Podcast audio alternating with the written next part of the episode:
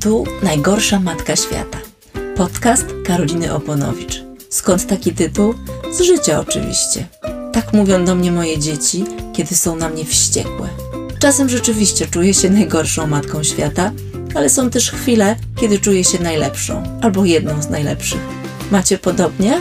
Jest tak trudno być rodzicem, że czasami się zastanawiam, czy to wszystko było warte tego, żeby nim być. Można bezkarnie się wygłupiać, czytać świetne książki, oglądać Gambola na Cartoon Network, a na kolację jeść gofry. Kładą się po nas, więc nawet nie możemy pójść i popatrzeć, jak śpią jak aniołki. Trudno jest być rodzicem czasami tak bardzo, że mam ochotę ryczeć. W tym podcaście będę rozmawiała z mądrymi ludźmi o tym, jak sobie radzić z tak zwanymi wyzwaniami wychowawczymi. Chciałabym, żeby te rozmowy pomogły nam trochę mniej się bać i mieć trochę więcej luzu w tym naszym rodzicielstwie. Rodzic to nie nadzorca. Rodzic to y, osoba, która ma być przewodnikiem, ma dawać wsparcie i reagować wtedy, kiedy to jest potrzebne. Ta obecność to przede wszystkim relacja i kontakt. Czy ta obecność to jest zauważanie w ogóle dziecka jako dziecka, to jest zauważanie jego frustracji, jego lęków, jego pogubienia w tym, co się dzieje w tej chwili, jego też tendencji, żeby wycofywać się z obowiązków, które są nieprzyjemne nie ma w tym nic dziwnego, jego tendencji do tego, żeby szukać dziur w systemie, a jest ich wiele, więc nie trudno je znaleźć. Po prostu też towarzyszyć e, tym całym trudzie dzieciaków, które, z którym one się mierzą. Warto podkreślić y, i, i podpowiedzieć rodzicom, bądźcie uważni przez dłuższy czas. Bądźcie gotowi być odtrąconym, bo to często właśnie będzie tak, że dziecko powie: Daj mi spokój, nie chcę na ten temat rozmawiać. Wszystko już mi powiedziałaś przecież, tak? O co ci chodzi? Ile będziemy to drążyć? Karolina Oponowicz. Do usłyszenia na Apple Podcast, Google Podcast i Spotify. No, tak więc elo. Dzień dobry. Tu najgorsza matka świata, czyli podcast Karoliny Oponowicz. To już jest chyba czwarty odcinek, o czym mówię z dużą dumą. Y, dziękuję za głosy, dziękuję za pomysły, dziękuję za Wasze komentarze. Czekam na więcej. A dziś chciałabym pogadać o nieśmiałości bo mam wrażenie, że w tych naszych czasach e, nieśmiałość nie jest za specjalnie w cenie. Wychowujemy nasze dzieci do tego, żeby były śmiałe, odważne, pewne siebie, wygadane, no a tymczasem raz na jakiś czas trafia się taki egzemplarz, co się wstydzi, co się krępuje, co y, stoi z tyłu. I to nie jest wcale mała grupa tych dzieciaków. Do rozmowy o nieśmiałych dzieciach postanowiłam zaprosić y, Marcina Matycha. Witaj Marcin. Dzień dobry, witam, cześć, witam wszystkich. Dziękuję bardzo za zaproszenie.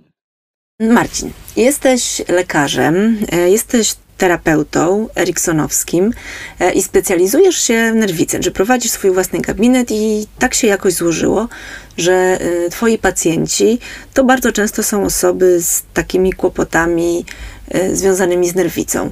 Ponadto jesteś aktywny w sieci, e, na Instagramie, na Facebooku i przyjąłeś taki intrygujący pseudonim Doktor Nerwica. E, tak, tak, to prawda. Jakoś, jakoś tak wymyśliłem to i, i to się myślę bardzo, bardzo jakoś tak dobrze identyfikuje i od razu mówi, czym się zajmuje i co jest jakby moim zainteresowaniem.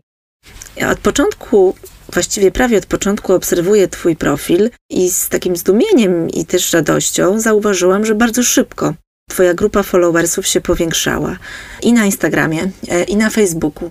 Powiedz, czy to oznacza, że temat nerwicy jest u nas zaniedbany, że w tym naszym dyskursie gdzieś zniknął? Jest luka? Tak, ja e, myślę, że to jest potężna luka, że mm, e, to jest, to, to, to, to, są, to jest ogromna ilość ludzi niezaopiekowanych, e, którzy potwornie cierpią, dlatego że nerwica to mm, są po prostu zaburzenia lękowe. Nerwica to jest nazwa potoczna, natomiast prawidłowa nazwa to są zaburzenia lękowe, których jest, które są oczywiście różne rodzaje zaburzeń lękowych one y, niosą ze sobą bardzo duże y, cierpienie i mam takie wrażenie, że zostały przyćmione jakby przez zaburzenia depresyjne, które znalazły się jakby w centrum zainteresowania, jakoś ludzie z depresją powoli zaczynają być zaopiekowani, powoli, powoli wiedza o depresji rośnie. Natomiast o zaburzeniach lękowych zupełnie tej wiedzy nie ma i no, nierzadko ludzie cierpiący na to, na to zaburzenie odczuwają niesamowitą samotność takie niezaopiekowanie i w zasadzie zagubienie. Tak? Wydaje mi się, że, że, że, że to, to, to jest koniecznie należy to, koniecznie należy o nich zadbać i koniecznie trzeba nagłośnić ten temat. I super, że to robisz. Ale powiedz, czy nieśmiałość i nerwica, y, choć oba te słowa są na N, y, są jakoś ze sobą połączone? Oczywiście, że, że to są, to są, można powiedzieć, mogą być niezwiązane, mogą być związane, dlatego że można powiedzieć, że nieśmiałość to jest taki mały kaliber lęku, tak? No bo jeżeli ja jestem nieśmiały, to z jakiegoś powodu jestem nieśmiały, to znaczy, no mam jakieś przekonanie, że wystawienie się na przykład na ocenę E, publiczną, tak, zaskutkuje na przykład negatywną opinią na mój temat, albo, albo na przykład doprowadzi do jakichś e, skutków, e, które, z którymi się będę musiał zmierzyć, tak, i nie dam rady, albo w ogóle odczuwam pewnego rodzaju lęk, żeby po pewnych doświadczeniach, na przykład trudnych, przełamać w ogóle taką barierę nieśmiałości, tak, także E, ja bym powiedział, że, że w zależności od nasilenia tej nieśmiałości, tak, czy to jest delikatna nieśmiałość, czy to jest duża nieśmiałość, no to gdzieś ja bym nawet trochę taką postawił tezę, że to może w pewnym momencie płynnie trochę przejść. Poza tym e, musimy pamiętać o tym, że nieśmiałość to jest też wynik e, pewnej historii, która zaczyna się dużo wcześniej, która zaczyna się w domu, w procesie wychowania, E, tak, czyli, czyli e, tutaj to jest e, też wynik czegoś, bo oczywiście my mamy pewne predyspozycje temperamentalne, natomiast dom, te pierwsze lata życia, potem okres nastoletni, tak, to jest, to jest ten moment, kiedy najważniejszym środowiskiem jest dom, najbliżsi i wtedy, że tak powiem, możemy albo tą nieśmiałość zredukować albo ją uwypuklić, aż może nawet do lęku. Tak? Nie wiem, czy, czy to jest jasne, co, co, co, co powiedziałem mniej więcej. Tak, bardzo jasne. W każdym razie ja to rozumiem. Myślę, że o tym, y, jak y, możemy modelować te zachowania naszego dziecka z nieśmiałością, będziemy jeszcze gadać, y, ale chciałam Cię teraz zapytać o to, nawiązać do tego, co powiedziałam na początku, że w naszych czasach nieśmiałość nie jest za bardzo w cenie. Zgodziłbyś się ze mną? Tak, też, też mam e, takie wrażenie, że są to czasy, które, no zawsze są jakieś czasy, ale powiedzmy ten model e, taki po przemianach kapitalistyczny, że on e, promuje osoby, gdzie potrzebny jest tupet, potrzebna jest taka, taka nadpewność siebie, prawda, pewne takie może cwaniactwo to jest za duże słowo, natomiast no, ten świat, który nas otacza, jest bardzo taki bodźcujący. Czy to będą reklamy, czy to będą audycje telewizyjne, czy to będą e, różne inne rzeczy, to wszędzie w zasadzie jest zachęcanie do bycia, e, nie wiem, takim e, nietuzinkowym, ponadprzeciętnym, przebojowym, takim kimś, kto zdobywa, tak? Oczywiście w tym wszystkim się pojawiają coraz częściej takie mm, również głosy, że można żyć prościej, spokojniej i trochę bardziej nieśmiało, tak, że nie trzeba ulegać temu. Dlatego ja uważam, że mm, ta nieśmiałość, ponieważ jestem terapeutą eriksonowskim i zawsze szukam zasobów, to y, ta nieśmiałość może być też pewnym zasobem, jeżeli oczywiście nauczymy dziecko lub siebie odpowiednio jej używać. Nie wiem, czy zgodzisz się ze mną. Brzmi to bardzo inspirujące. A możesz jeszcze, mam kolejne pytanie mm, dotyczące tego, co zapytałeś, ale chciałam się jeszcze upewnić, też poprosić Cię może, żebyś wytłumaczył, e, co to znaczy terapeuta eriksonowski. Znaczy tak, no bo nie wiem na ile nasi słuchacze są wdrożeni w to, że są różne szkoły terapeutyczne, że jest, nie wiem, poznawczo-behawioralna, psychoanalityczna, gestalt i że są różne nurty, e, a ten, który, który ty reprezentujesz, Eriksonowski, to tak w dużym uproszczeniu, czym się charakteryzuje?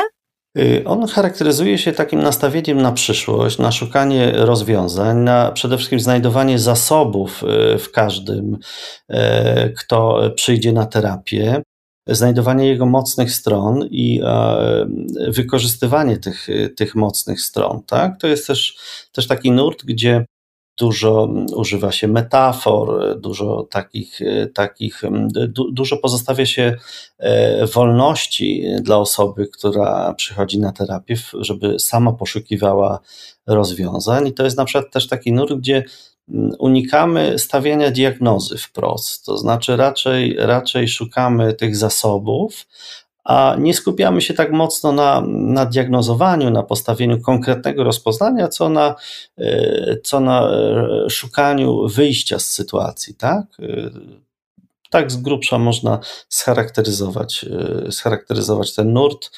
To jest też oczywiście szkoła, która jest atestowana przez Polskie Towarzystwo Psychiatryczne, tak? ma atestację, jest bardzo popularna na przykład w Stanach Zjednoczonych w Polsce i w Europie też bardzo i w Polsce coraz bardziej, o może w ten sposób. Już wiem o co chodzi, dzięki, ale przejdźmy y, do konkretów i do sytuacji. Miałam ostatnio, opowiadali mi ostatnio znajomi o sytuacji z ich domu. E, ich 11-letnia córka miała takie zadanie przez panią od muzyki zadane, żeby nagrać piosenkę i wysłać tę nagraną piosenkę do pani. Oczywiście to wszystko jest w, w sosie zdalnej edukacji, no i też takiego oczekiwania, żeby tutaj rodzice się zaangażowali. E, no i rodzice się zaangażowali, natomiast ta dziewczynka powiedziała, że absolutnie nie. Ona tej piosenki nie nagra. No bo nie. I właściwie nawet nie była w stanie wytłumaczyć dlaczego. E, no rodzice dosyć szybko się zorientowali, no, że ona się po prostu najzwyczajniej w świecie wstydzi. Co taka osoba czuje. Znaczy, co się takiego dzieje, że choćbyśmy jej powiedzieli, no weź się w garść, zaśpiewaj tą piosenkę, wyślemy ją tej pani i w ogóle zapomnimy o sprawie. A ona nie jest w stanie tego przeskoczyć. Co się tam dzieje w takim człowieku małym, młodym? No przede wszystkim e, musimy pamiętać, że dziecko w świecie dorosłym to zupełnie nie jest dorosły w świecie dorosłych. Y, dziecko zupełnie postrzega inaczej otaczającą rzeczywistość. Ono jest małe, a dorośli są du duzi, że tak powiem. Wszystko jest duże, wszystko jest e, przerastające możliwości, tak? I jeżeli e, wytwarzamy jeszcze do tego presję e, taką na dziecku, to efekt y, może być y, zupełnie odwrotny. Tak? Ja y, tu bym był za uszanowaniem zdania tego dziecka. Jeżeli to jest tak, że wszystko jakby inne idzie dobrze, a chodzi o tą jedną piosenkę, to czasem czy często należy uszanować zdanie dziecka, że ono może po prostu odmówić. Tak, na przykład zamiast tego napisać wiersz albo tak, że przecież dziecko jest bytem e, niezależnym i też musimy uczyć dziecko tego, że ono ma prawo decydować, tak? No, ma, ma prawo na przykład nie, nie zjeść kotleta schabowego, tak? Bo go nie lubi. No to jest zupełnie no, normalna rzecz. I natomiast jeśli to, jest, to się wpisuje w jakiś, jakiś ogólny nurt, powiedzmy, że to dziecko w ogóle zaczyna odmawiać różnych rzeczy, czy zaczyna w ten sposób wyrażać coś, bo jeżeli dziecko w taki zdecydowany sposób coś odmawia, no to też często coś komunikuje, czego nie może powiedzieć wprost, nie umie, prawda? To może być złość na przykład, może to być jakiś komunikat do rodziców, może to być komunikat o relacji z tą panią od muzyki, może to być komunikat o szkole, Tutaj proponowałbym, żeby się w szerszym kontekście tego, temu przyjrzeć, dlatego że takie pojedyncze zachowanie dziecka, czy powtarzające się takie, tego typu zachowania dziecka są zawsze jakimś komunikatem. I e, to rzadko jest e, tak, że dziecko po prostu nie chce nagrać tej piosenki akurat i wysłać, tak? Że to, to może świadczyć o, o szerszym y, jakimś zagadnieniu, które trzeba przeanalizować i wyciągnąć wnioski. No dobra, i teraz zaczynamy się zastanawiać. Już się odrywam od tej sytuacji, od tych znajomych. Gdyby mnie słuchali, to chcę to podkreślić. No i dochodzimy do wniosku, że właściwie to jest jakiś wzór. To znaczy, że jak było przedstawienie, jeszcze jak szkoła działała, to dziecko też nie chciało, mimo że cała klasa brała udział. Często się okazuje, że ma oceny kiepskie nie dlatego, że nie umiało, bo w domu umiało, ale kiedy trzeba było w klasie zabrać głos, to się wycofywało. Albo na przykład okazywało się, że punkty za test zostały źle naliczone, ale to nasze dziecko nie poszło do nauczyciela czy nauczycielki, żeby zgłosić, żeby też na spokojnie o tym porozmawiać, że widzimy, że ono, jak przychodzą do nas goście, to że ono gdzieś tam raczej się chowa za plecami, nawet jak to jest takie już starsze dziecko, to tak niespecjalnie ma ochotę albo tak cicho mówi. Czyli widzimy, że ta nieśmiałość to jest jakiś rys. I co wtedy? Martwić się? Po pierwsze, musimy się e, przyjrzeć, e, jak my się zachowujemy jako rodzice. Czy my na przykład jesteśmy śmiali, czy nieśmiali, czy my jesteśmy asertywni, na przykład, czy my, jak pani pomyli się w sklepie, wydając nam resztę, to na przykład mówimy o tym, czy odchodzimy. Dlatego, że pewne reakcje się modelują. To jest pierwsza sprawa. I e, jeżeli e, tak jest, to mm, na przykład, że my jesteśmy też nieśmiali, no to praca dotyczy również nas, żebyśmy inaczej modelowali dziecko. Druga e, sprawa jest taka, że mm, często trzeba dziecko wesprzeć, to znaczy pokazać, jak pewne rzeczy należy na przykład załatwić, tak? Czyli jeżeli na przykład punkty z testu nie zostały naliczone prawidłowo, to na przykład być może pierwszy raz trzeba pójść z dzieckiem do szkoły, tak, żeby ono czuło, że my stoimy za plecami, tak, że je wspieramy.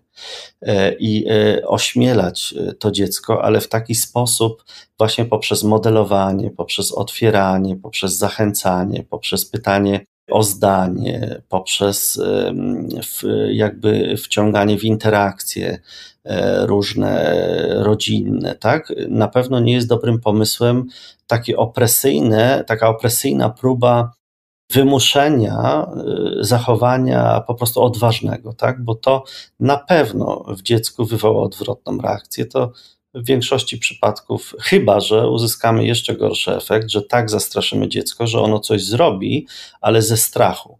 Jeśli zrobi to ze strachu, to efekt będzie jeszcze gorszy, bo ono to raz zrobi, ale konsekwencje tego będzie niosło ze sobą e, całe życie.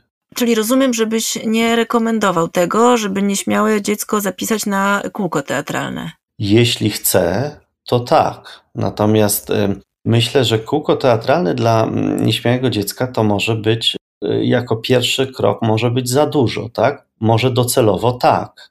Natomiast y, być może, że trzeba przejść przez, y, to też charakteryzuje terapię eriksonowską, żeby dzielić zadania na małe kroki i konfrontować się małymi krokami z lękiem czy z nieśmiałością, tak? I tutaj być może, że to kółko teatralne jest nie do przejścia, tak? W pierwszym momencie, że to wywoła odwrotny efekt. Być może, że najpierw to może być wycieczka y, ze znajomymi i ich dziećmi, na przykład rowerowa, a w następnym kroku na przykład, nie wiem, wspólne jakieś oglądanie filmu czy zabawa, tak? To musi być rozłożone na etapy, tak? Pomysł bardzo dobry z kółkiem teatralnym, tak? Tylko nie na pierwszy ogień, moim zdaniem rodzice miewają takie pomysły. Och, wrzucę go na głęboką wodę, to mhm. otrzaska się i zaprawi mhm. się w bojach i już nie będzie taki nieśmiały. Pytanie, czy będzie lubił pływać?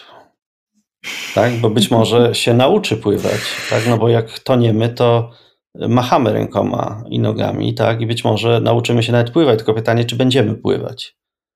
Tak, to jest pytanie. Czy będziemy się dobrze czuć pływając? Czy będziemy no, tak się dobrze czuć pływając, tak? No i teraz na drugim końcu tej skali jest takie zachowanie, które też obserwuję u, rodziców, żeby to dziecko wyręczać.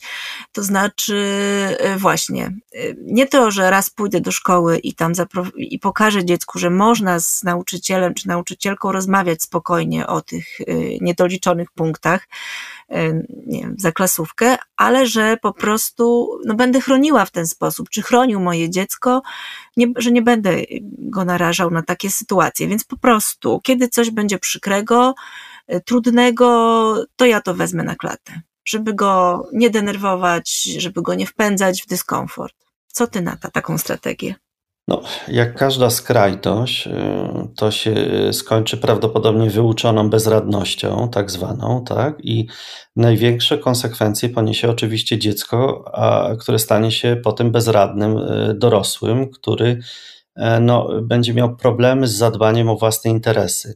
Ja uważam, że e, złoty środek jest najlepszy, tak? To oczywiście nie jest mój wymysł, tylko e, paru, pa, parę osób już na to wpadło, oczywiście w historii, nawet w filozofii. Natomiast ten środek, tak, czyli łagodne, łagodne przechodzenie, łagodne małymi krokami, natomiast każda skrajność, to wyręczanie, to jest y, tak samo, y, tak samo powiedziałbym, y, brzemienne w skutkach, jak po prostu to takie mm, no, rzucanie na głęboką wodę, tak? No bo uzyskujemy wtedy dwie skrajne postacie, bo musimy pamiętać o tym, że z tego dziecka będzie dorosły tak? I to, co dziecko zarejestruje, nauczy się, to wszystko odtworzy w zachowaniach dorosły i potem ten dorosły odtworzy to w swojej rodzinie i tak dalej, i tak dalej, tak? Czyli takie zachowania y, prowadzą do skrajnych właśnie postaw w dorosłości albo takiej lękowej motywacji,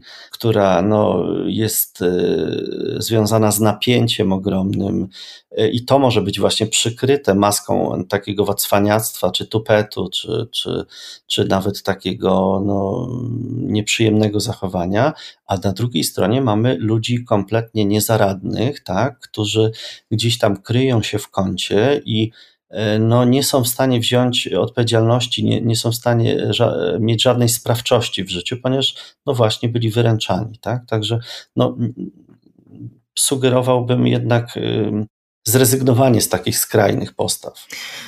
To bliska jest mi taka postawa. Bliskie jest mi też szukanie złotego środka, choć oczywiście jako najgorsza matka świata zawodzę często.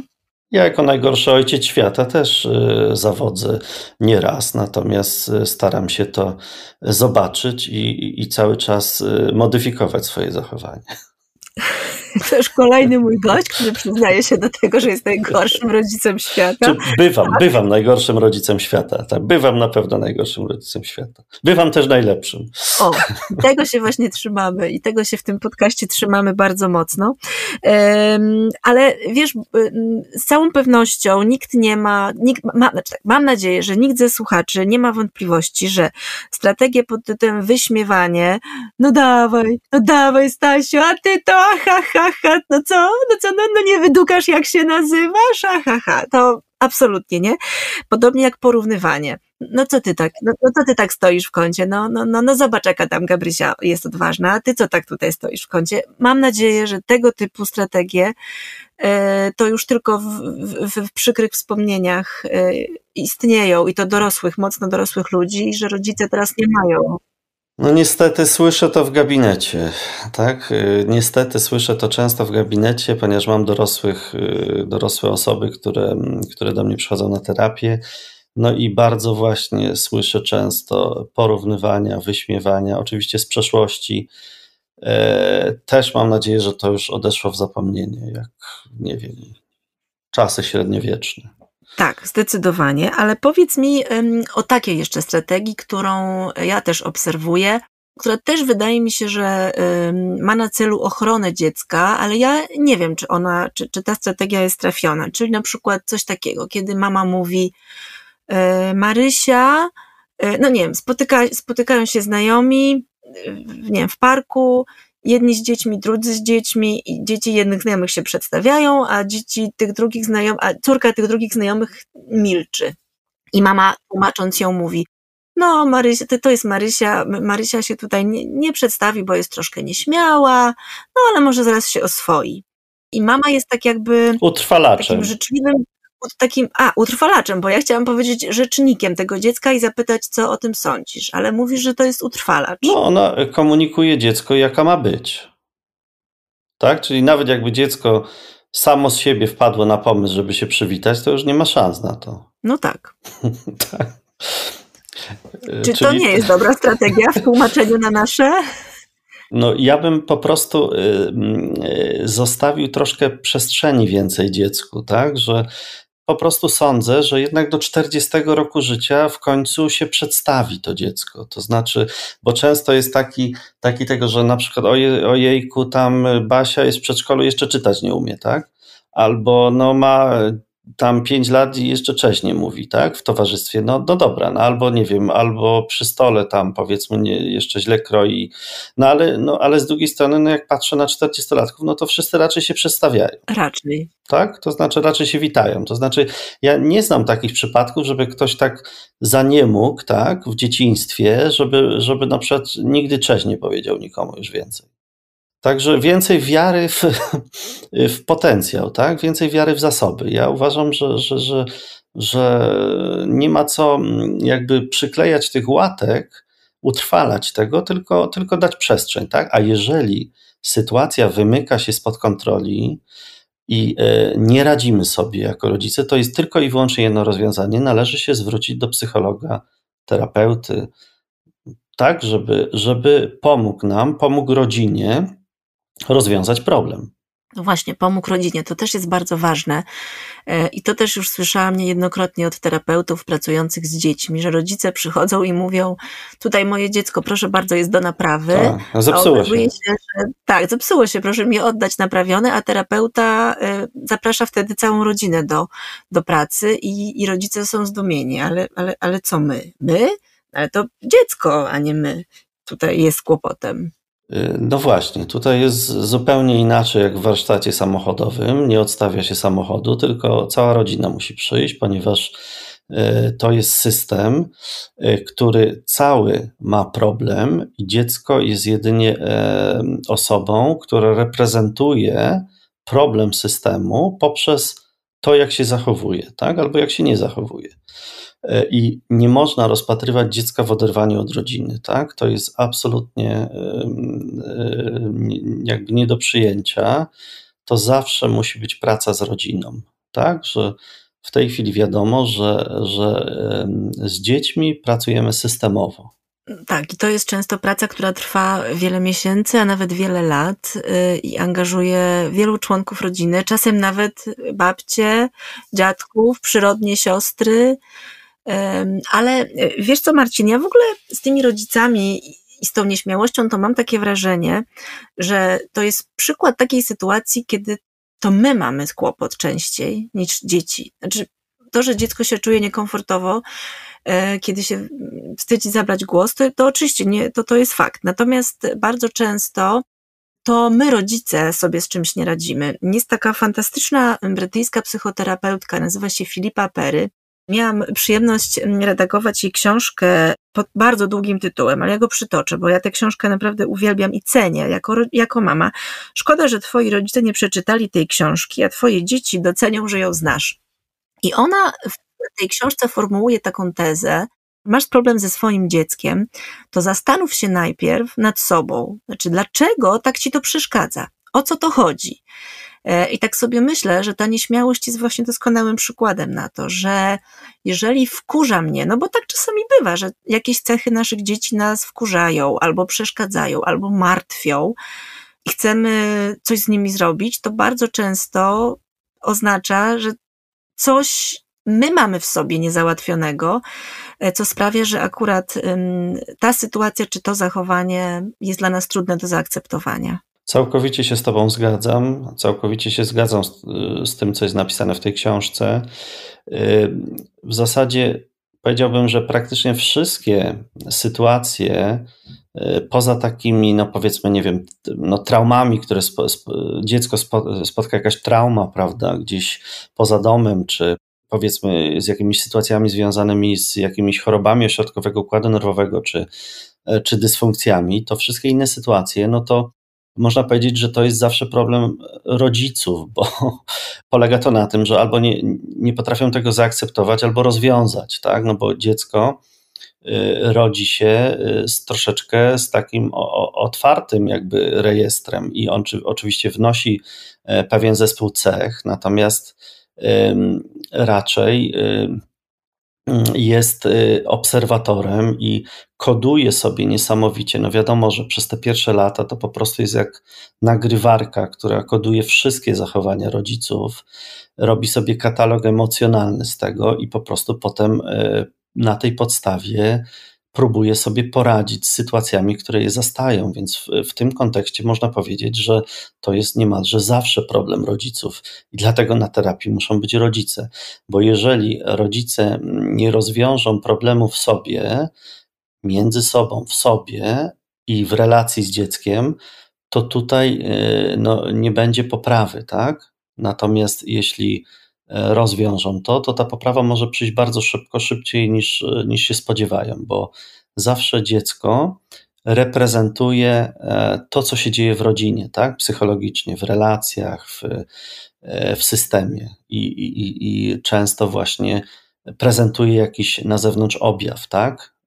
To może być nieśmiałość, no jeżeli możemy nazwać to objawem, chociaż to bardziej cecha, tak? Ale na przykład jakiś lęk, tak? No bo ta nieśmiałość też ma gradację pewną, tak? I, i od pewnego momentu e, ja to tak rozumiem, że jeżeli nieśmiałość nie przeszkadza żyć, to jest ok. Jeżeli przeszkadza żyć, to znaczy, że już weszła na warstwę lękową.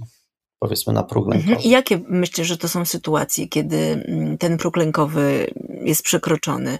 Czy my to widzimy? I kiedy w ogóle, kiedy takie rzeczy powinniśmy zaczynać wyłapywać? Czy to dotyczy nastolatków? Czy wcześniej? Czy czekamy do 40 roku życia? Jak byś to powiedział?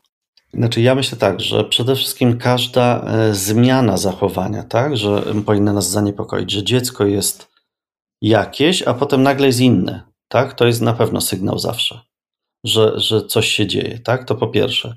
Po drugie, no jeżeli to jest takie nasilenie, że y, dziecko zaczyna być sfrustrowane na przykład, tak? To znaczy, że y, zaczyna y, na przykład rezygnować z jakichś asertywnych zachowań i zaczyna tracić na tym, krótko mówiąc.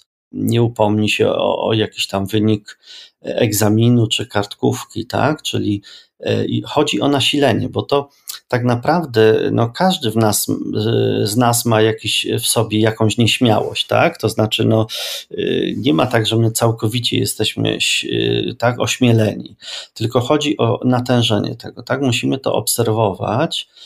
Czy to już jest taka, taka rzecz, która wymaga jakiejś interwencji, bo zaczyna to szkodzić dziecku, tak? Bo to przede wszystkim chodzi o, o, o dziecko, a na ile to jest po prostu taka nieśmiałość, ona y, wynika z takiego troszeczkę innego temperamentu, y, czy bardziej, bardziej takiego na przykład, jeżeli dziecko lubi gdzieś tam powiedzmy bardziej, e, bardziej na przykład mniejsze grupy albo albo no, nie ma tego takiego wyjścia, że ono zawsze musi być pierwsze, czy że zawsze musi być ochotnikiem, czy tak, no bo to, to, to, jest, to jest w sumie bardzo, bardzo delikatna sprawa i e, musimy to obserwować w czasie, tak? Jeżeli dziecko jest trochę nieśmiałe, ale funkcjonuje ogólnie dobrze, no to po prostu jest trochę nieśmiałe, tak?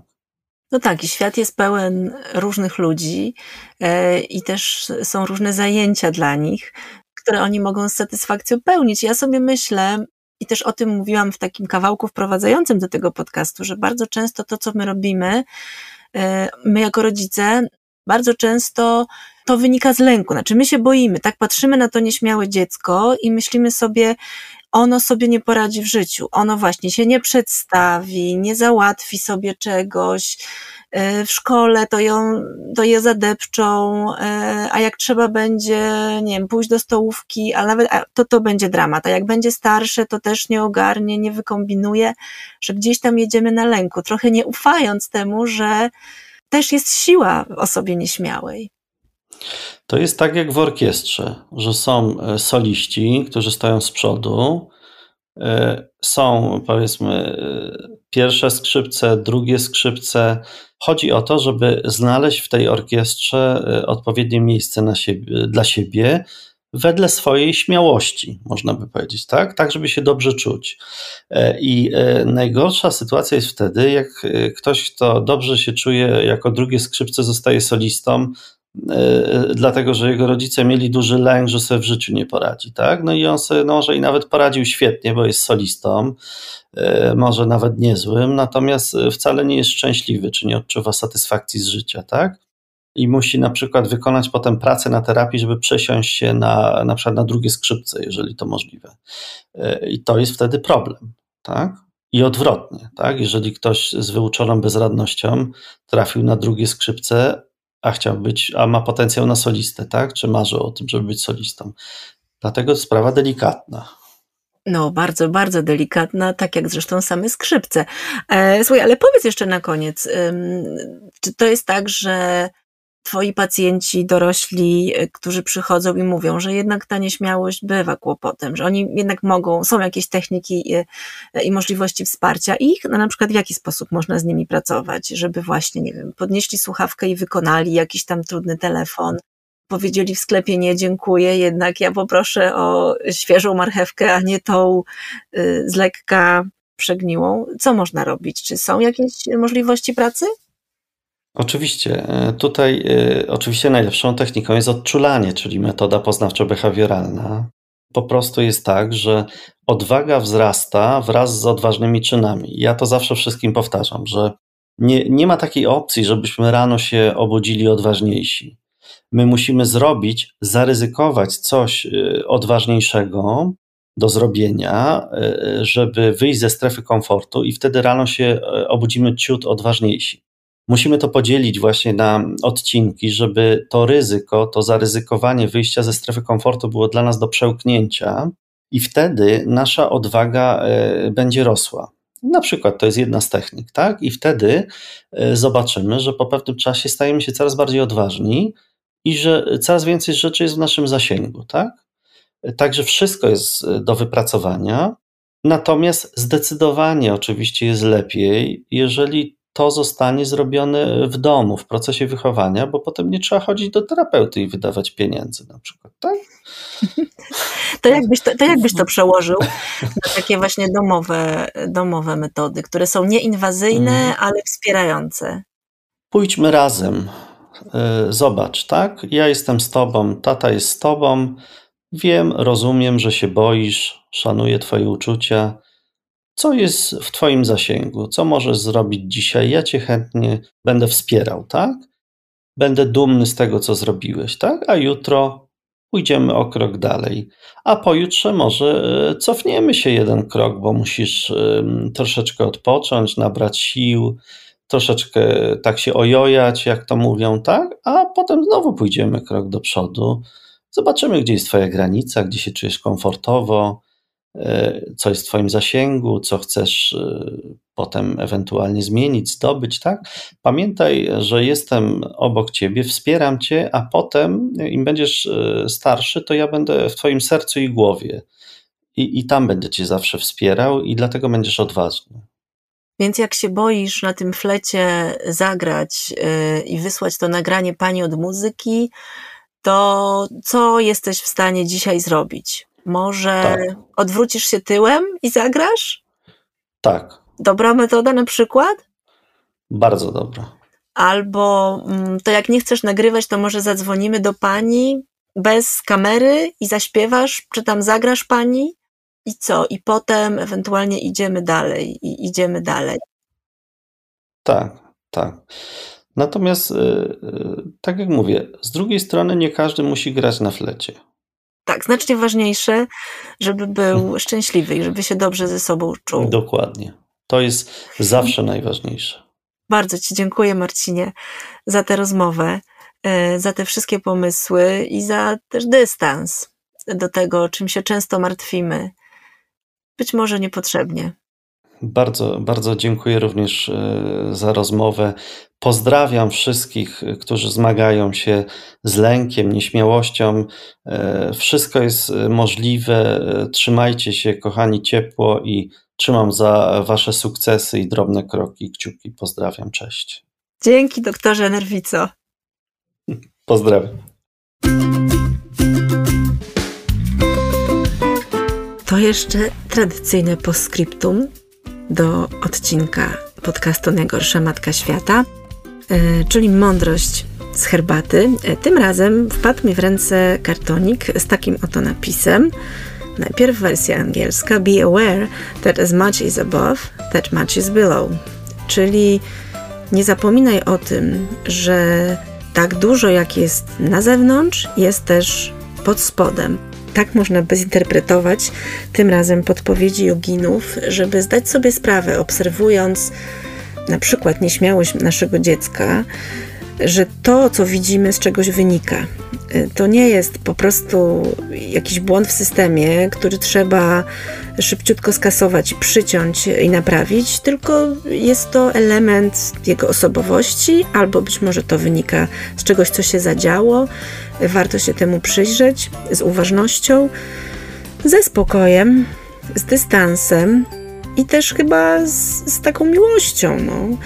Bo jak mówił doktor Nerwica, nie wszyscy muszą być śmiali i przebojowi i w tym świecie jest też miejsce dla tych, którzy lubią sobie stać z boczku i obserwować na przykład i pisać wiersze e, albo pisać muzykę i w ten sposób swoją nieśmiałością wzbogacać nasz świat. To był czwarty odcinek podcastu Najgorsza Matka Świata. Karolina Oponowicz. Żegnam się z Państwem bardzo, bardzo dziękując e, i przypominam, że można mnie słuchać na Spotify, na Apple Podcast, Google Podcast, a od niedawna także na YouTubie. Słuchajcie, a jeśli chcecie, e, żebym o czymś porozmawiała, albo macie jakiś pomysł, albo jakiś komentarz, to bardzo proszę, dzielcie się tym. Można do mnie pisać. Mój adres to najgorsza matka świata małpa gazeta.pl. Do usłyszenia.